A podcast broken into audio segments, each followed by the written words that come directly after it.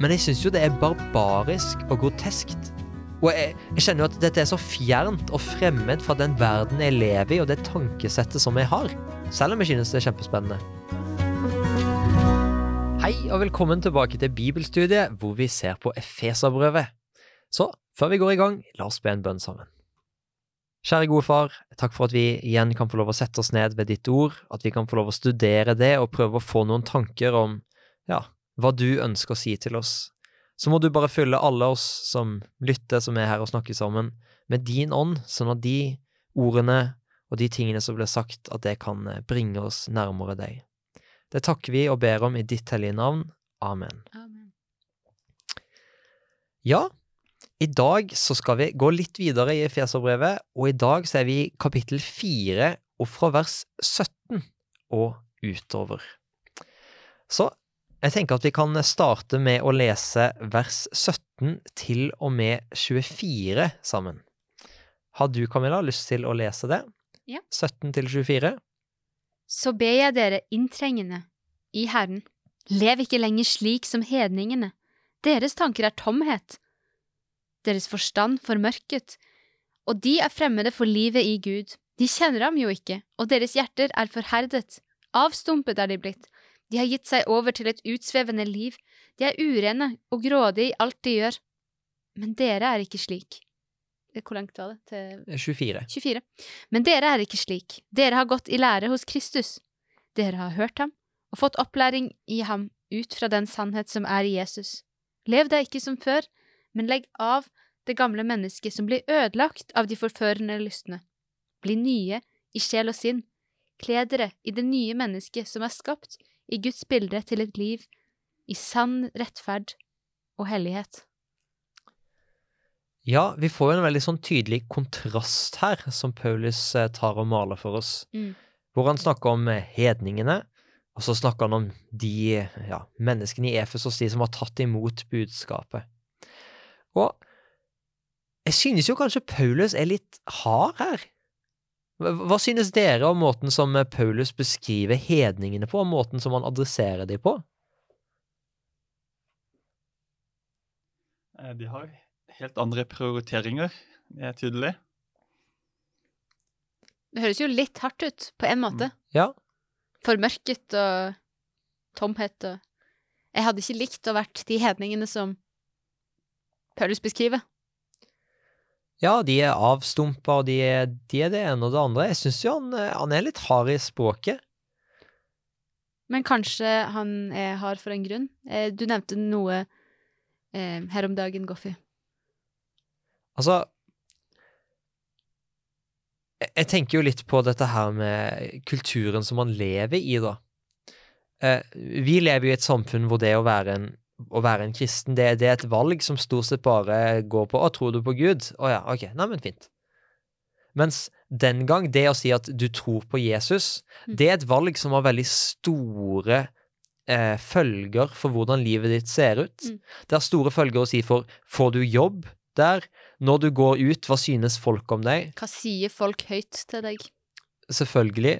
Og også bare for eksempel eh, på den tid så var jo eh, keiseren ble sett på som en gud, og det var egentlig obligatorisk at alle skulle Om søndagen så skulle alle innom en tur og tilbe keiseren. Mm. Eh, nå ble jeg plutselig usikker på om det var søndag, men man skulle i hvert fall gjøre det ifølge liksom, den eh, kulten som var rundt keiserne. Mm. Men jødene de hadde fått eh, fritak fra dette fordi det var en så gammel religion, og romerne hadde litt respekt for det. Og de kristne de, de, var jo jøder, så de var falt under samme loven, en stund i hvert fall, litt i grenseland, så de fikk også slippe det. Men menneskene rundt de så det og var sånn Oi, nå går det oss dårlig. Nå er det hungersnød. Nå er gudene misfornøyd, og det er på grunn av de kristne og jødene som ikke tar og tilber keiseren, eller de andre gudene, for den slags skyld. Mm. Det er ikke bare keiseren det er snakk om. Og det gjorde at de fikk en utrolig hva skal man si, da, vanskelig tid der hvor de var, veldig ofte. Så jeg, jeg, tenker jo at tonen generelt i samfunnet som er der, er ganske konfrontativ. Mm. Og Paulus sier jo egentlig ikke bare at de er så elendige og forferdelige, han sier ikke vær sånn som de. Mm. Og kanskje ikke vær så konfrontativ sånn som de. Mm. Jeg tenker kanskje det er litt det som han eh, prøver å få frem hit. Ikke hold på sånn som de gjør med dere. Ja, Ikke gjør det samme. ikke hers med hverandre. Mm. Og så tenker jeg den tonen, eller den direkte språkbruken som, eh, som Paulus har, ikke bare her, han har det i mange av sine brev, det er noe han ikke bare sier om hedningen, han bruker det også om de kristne, Mm. ofte. Og om seg sjøl kan han finne på å bruke denne språkbruken, og han I Galaterne, for eksempel, så sier han alt jeg holdt på med før, det var Og da bruker han ordet skubalon, som på godt norsk kan oversettes til, til mannskit. Eh, han, han er veldig direkte i måten han snakker på, og det er kanskje noe som er litt uvant for eh, oss her i Norge, der vi er veldig diplomatiske og ofte går rundt grøten. Eh, selv, i, selv de mest direkte menneskene er ofte ikke så direkte som Paulus. Ja, og ok, en ting er det han sier da, at ikke vær på den måten, men eh, så går han jo plutselig og beskriver de menneskene som har tatt imot Jesus, da. De som har tatt imot det budskapet han presenterer, og Mm. der er han jo ganske mye varmere. Og han, han er jo litt oppfordrende til hold fast på det, husk at dette er veien å gå. Mm. Men så lurer jeg på, ser vi noen praktisk forskjell? Eh, Der hvor vi er på mennesker som er kristne, og som ikke er det. Er det en praktisk forskjell? Hva tenker dere om det? Eh, ja. Eh, eh, kristne investerer eh, mer langsiktig. Ok, det må du utdype litt. Ja. Eh, det står jo at eh, deres tanker er tomhet, og det det er at de tenker kun på det jordiske, Mm. med hus, bil, kun det som Og klær. Mm. Mens vi er kalt til eh, å investere i noe som varer, Mm. som ikke forgår, og ikke som kan, noe som ikke kan brenne ned. Som varer lenger enn pensjonen. Ja. Ja, absolutt. Så er vi litt over på å samle ikke skatter på jorden. ja. Ja, absolutt. Så kanskje det det er litt snakk om her, da. Ja. ikke bare tomhet. Jeg vil jo si at eh, Når du sier det, så, så tenker jeg at vers 19 avstumpet er de blitt. De har gitt seg over til et utsvevende liv. De er urene og grådige i alt de gjør. Ungdommen i dag de har noe som de kaller Eller kanskje det var for fem år siden, så kalte de Hadde de et uttrykk som de brukte som heter yolo. You only live once. Du lever bare én gang. Og så hadde de noen tatovert en sånn der åttetall som ligger, som liksom skal bety evighet eller et eller annet, men på en eller annen måte så fikk de det til å eh, passe i hop med at du bare lever én gang. Eh, en forvirrende symbolikk, men poenget er at det virker som det også er temaet, ikke bare for eh, ungdommer i 2018, men for folk i Efesos rundt eh, det nullte årtusen. Ja, og jeg tror det er noe med tankesettet da, som vi er inne på nå. At man på en måte, som som du sier, vi har et annet mål, egentlig, for livet vårt, og egentlig hva vi tenker at vi ja, er vårt formål, og hvor vi ender opp til slutt. Men eh, hvis du går på butikken, og du går på Kiwi, i kassa der, eh, og så er veldig mange som jobber i kassa på Kiwi, er veldig hyggelige. Mm. Eh, er det hyggeligere å møte en kristen enn en vanlig arbeider? Kan du merke på dem om de er det? C.S. Lewis, som eh, en sånn kristen tenker, Mm. han snakker om det her med forskjellen kristendommen har i forskjellige menneskers liv, og han sier det Det er ikke sikkert at du nødvendigvis blir hyggelig fordi du blir kristen, men det kan hende at du var en person som Du var gretten, du var ikke hyggelig i det hele tatt. Kanskje du blir mindre uhyggelig av det at du blir kristen. Mm. Eh, fordi Jesus har gjort en så stor forskjell i ditt liv.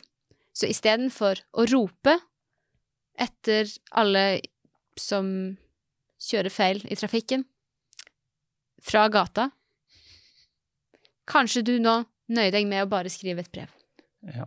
Jeg kan fortelle en eh, liten erfaring fra ganske nylig. Når jeg var i Paris og fikk en eh, bot fordi jeg ikke hadde eh, bilde og navn påskrevet eh, kollektivkortet mitt. Og jeg ble litt irritert at jeg fikk en bot bare for det, av det. For jeg kunne bevise ved en kvittering at jeg hadde betalt denne, dette kortet Mm. for en uke.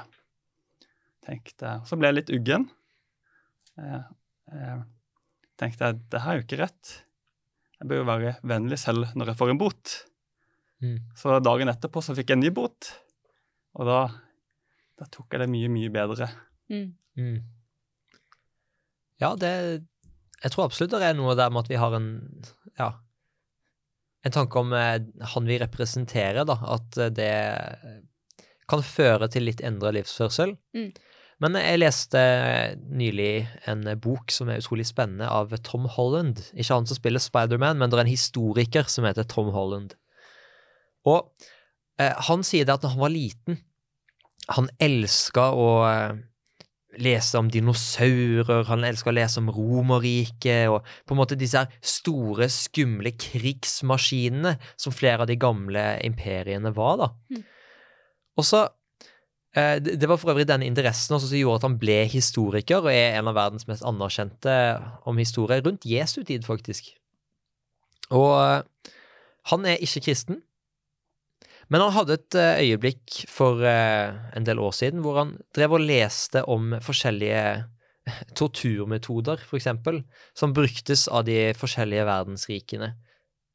Og så sa han OK, jeg syns dette er kjempespennende, det er interessant, men jeg syns jo det er barbarisk og groteskt. Og jeg, jeg kjenner jo at dette er så fjernt og fremmed fra den verden jeg lever i, og det tankesettet som jeg har, selv om jeg synes det er kjempespennende. Så det han gjorde, han satte seg ned og prøvde å liksom reflektere og så på historien og liksom prøvde å finne ut av hvorfor tenker jeg så annerledes. Mm. Og konklusjonen til den historikeren, som ikke er kristen, i hvert fall ikke på dette tidspunktet, var det at han er en kristen på alle måter, utenom at han tror at Gud finnes. Forklar det litt. Og, og, og tanken her er rett og slett at denne boka, da, som er ganske tykk murstein, tar rett og slett bare for seg hvordan Jesus, hvordan det tankesettet som han lærte i det området han var i Midtøsten, hvordan det i dag har spredt seg til å bli en sånn integrert del av vårt tankesett her i Vesten. Mm. At egentlig det tankesettet vi har i dag, om moral, verdi, menneskerettigheter, det er det Jesus introduserte. Altså, vi bare fjerner Gud fra det. Og jeg- jeg tror jo derfor det av og til kan være litt vanskelig når du stiller det spørsmålet med å møte en kristen på Kiwi. Rett og slett fordi vi har et ganske likt verdisett, Mm. frem til vi ikke skjønner hvorfor vi skal gjøre det. Mm. Så jeg, jeg synes det er en litt sånn spennende tanke, da, at uh, vi vi har utrolig mye til felles med den verden vi lever i. Mm. Og det er kanskje derfor ekstra vanskelig å skjønne hva er kristendom, og hva er bare det vi kaller for sunn fornuft. Mm. Men uh, jeg finner jo litt stolthet da, i å vite at uh, det vi kaller for sunn fornuft i dag, det kommer fra Jesus. Mm. Det som verden i dag holder fast på å si, dette må vi ha, Mm. det kommer fra Jesus. Mm. Det syns jeg er kult. Det står i Grunnloven. Ja, Så absolutt. Det er vår kristne arv, står det om. Ok, skal vi lese videre i vers 25 til og med 29, Camilla? Har du Ja. lyst til det? Det kan jeg. Legg derfor av løgnen og snakk sant til hverandre. For vi er hverandres lemmer. Blir dere sinte, så synd ikke. Og la ikke solen gå ned over deres vrede. Gi ikke djevelen rom. Den som har stjålet, skal ikke lenger stjele, men arbeide og gjøre noe nyttig med sine egne hender, så han kan ha noe å gi til dem som trenger det. Var dette 30? Eh, 29. 29. La ikke et eneste råttent ord komme over leppene. Si bare det som er godt, og som bygger opp der det trengs, så dere kan bli til velsignelse for dem som hører på. Ja, nå tror jeg jeg har lyst til å diskutere litt eh, konfliktløsning, egentlig. Mm. For Paulus snakker veldig mye om eh, måten vi på en måte behandler hverandre på. Ikke la det være løgn, ikke råtne ord, bli ikke sinte på hverandre. Mm. Ikke så mye vrede og alle disse tingene her. Mm. Hvor lett er det i praksis? Oh. Jeg, liker, jeg liker begrepet råtne ord. Ok, Jeg syns det er et godt begrep, og det beskriver egentlig litt den følelsen man har når man sier noe som man vet dette er slemt. Og nå skal jeg si det, for å såre deg. Det er litt sånn råtten følelse. Man føler seg ikke bra etter man har sagt det. Man føler seg kanskje litt bra idet man sier det, bare slå til.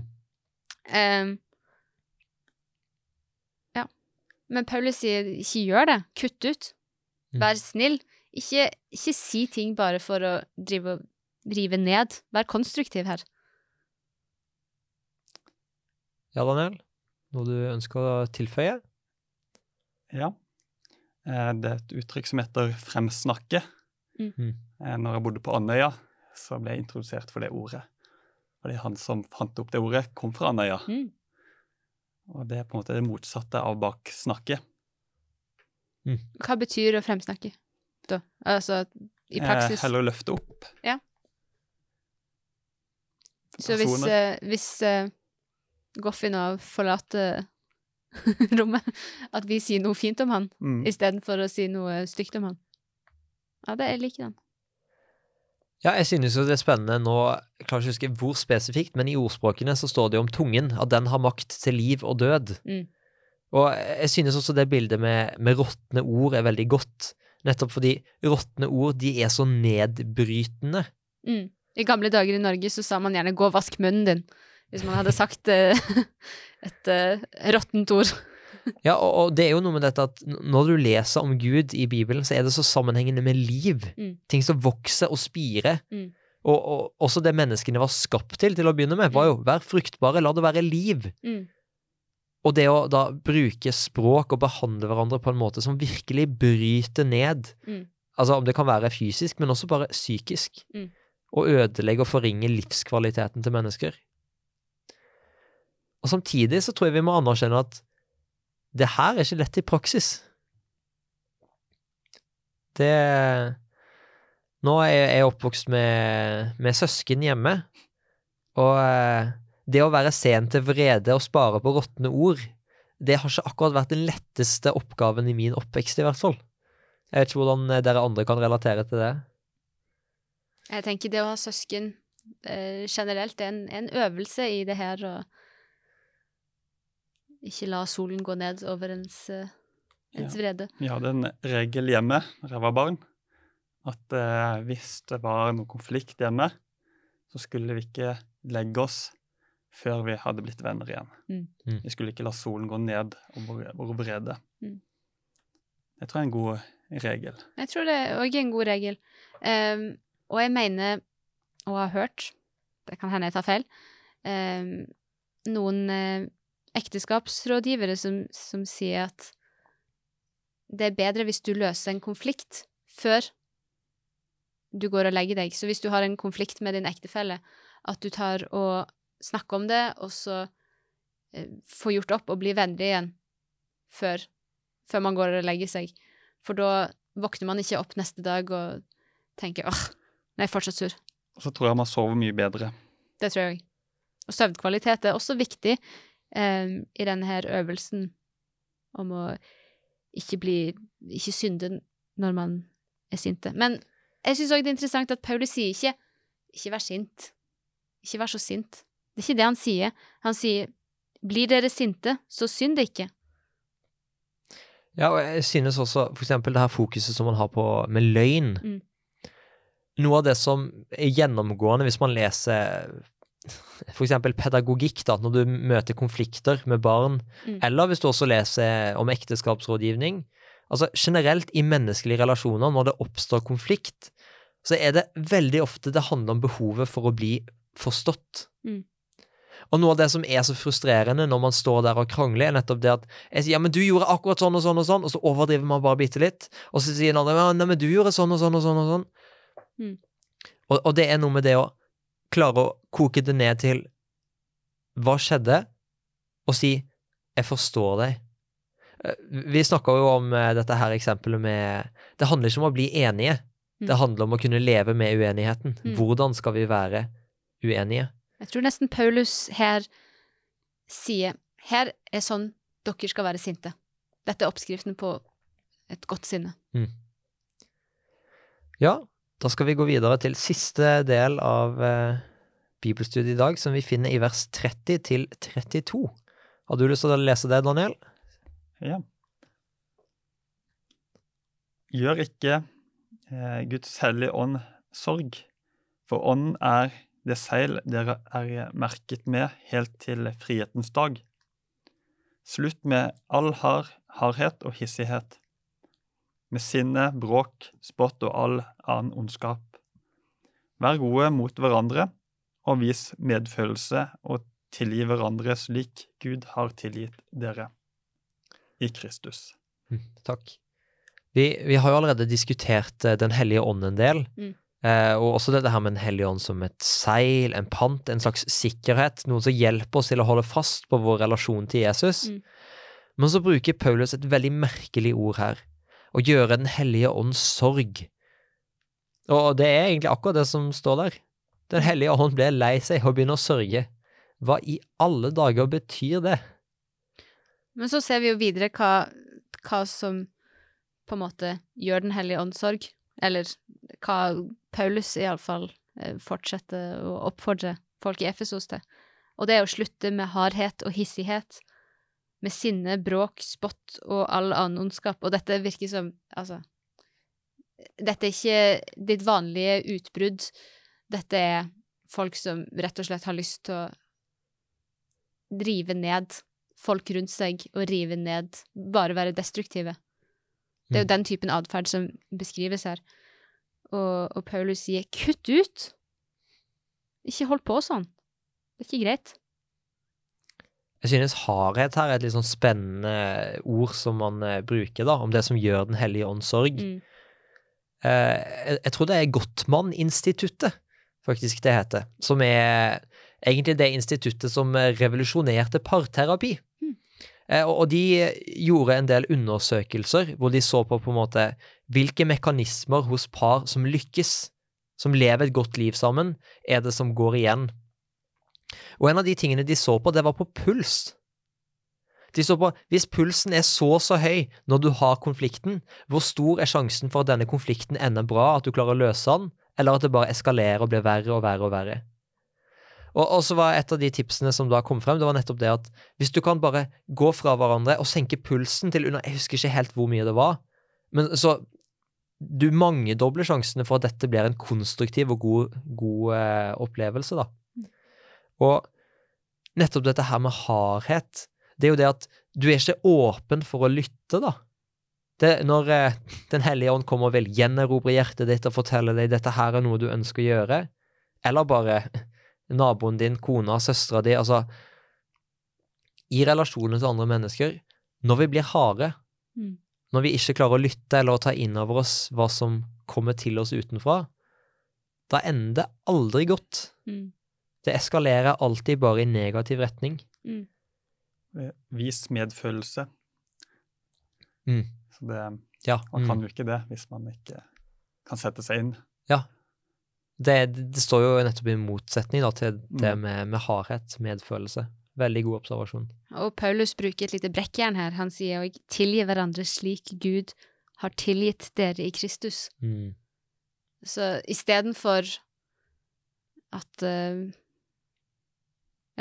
Å slå tilbake med samme mynt og være hissig og bråke og slå hverandre ned, eh, omtrent, så at man velger å tilgi. Um. men nå sier jo ikke Paulus her 'vær dørmatte', heller. For igjen, som jeg vil understreke, i vers 26 så sier han ikke 'bli ikke sint'. Mm. Han sier 'hvis dere blir sinte, så synd ikke'. Ja, jeg tror det er en veldig viktig eh, distinksjon, at man ikke blir så resignert, da, på en Mm. måte. Altså, man skal jo stå for det som er rett, og du har jo også et behov for å bli forstått, på samme måte som den du er i en konfrontasjon med. Og sinne er en følelse som Gud har skapt og lagt ned i oss, og som Mm. Jesus selv opplevde ved flere anledninger. Mm. Um, så det er ikke det er ikke følelsen i seg sjøl som er galt, eh, eller rett. Det er hvordan man bruker denne følelsen enten til å gjøre noe konstruktivt, Mm. eller til å gjøre noe destruktivt. Mm. Og jeg synes også det er en veldig fin tanke, egentlig, at disse tingene gjør Den hellige ånd sorg. Mm. Det, det, det kunne stått at disse tingene gjør Den hellige ånd sint og hard. Det, det, kunne vært det som står, at ok, plutselig så får vi ikke dette pantet. Vi, vi får ikke dette seilet som Den hellige ånd er. Det blir like hardt som du er når du er hard. Mm. Men det som står, er da nei, du gjør Den hellige ånd lei. Mm. For du skyver han ut av hjertet ditt. Det er, er ikke rom. Mm. Du er ikke villig til å slippe det inn. Og det er noe som får Gud selv til å, til å gråte og være lei seg. Mm. Og jeg synes det er enda et av de mange flotte bildene som Paulus maler på hvor høyt Gud elsker oss, og hvor høyt han ønsker å ha en relasjon til oss og bare fylle oss helt da med sin kjærlighet og godhet. Mm. Og jeg tenker kanskje at eh, det er et fint sted å runde av for i dag. Så lurer jeg på om du, Camilla, har lyst til å be sammen med oss? Kjære Gud, takk for at du har skapt oss som kompliserte mennesker, som eh, har forskjellige følelser og reaksjoner på ting. Og takk for at du har lovt å være med oss, og at du ønsker å ta del i våre liv. Vi ber om at du må hjelpe oss til å føle på konstruktive måter. At hvis vi blir sinte, at vi bygger opp og bruker det som en drivkraft til å gjøre noe godt, istedenfor å gjøre eh, det som er vondt, og bryte ned. Og hjelpe oss til å, å gjør dette på en klok måte, og hjelp oss til å tilgi, og til å være medfølende mennesker. Det ber jeg om i ditt navn. Amen. Amen.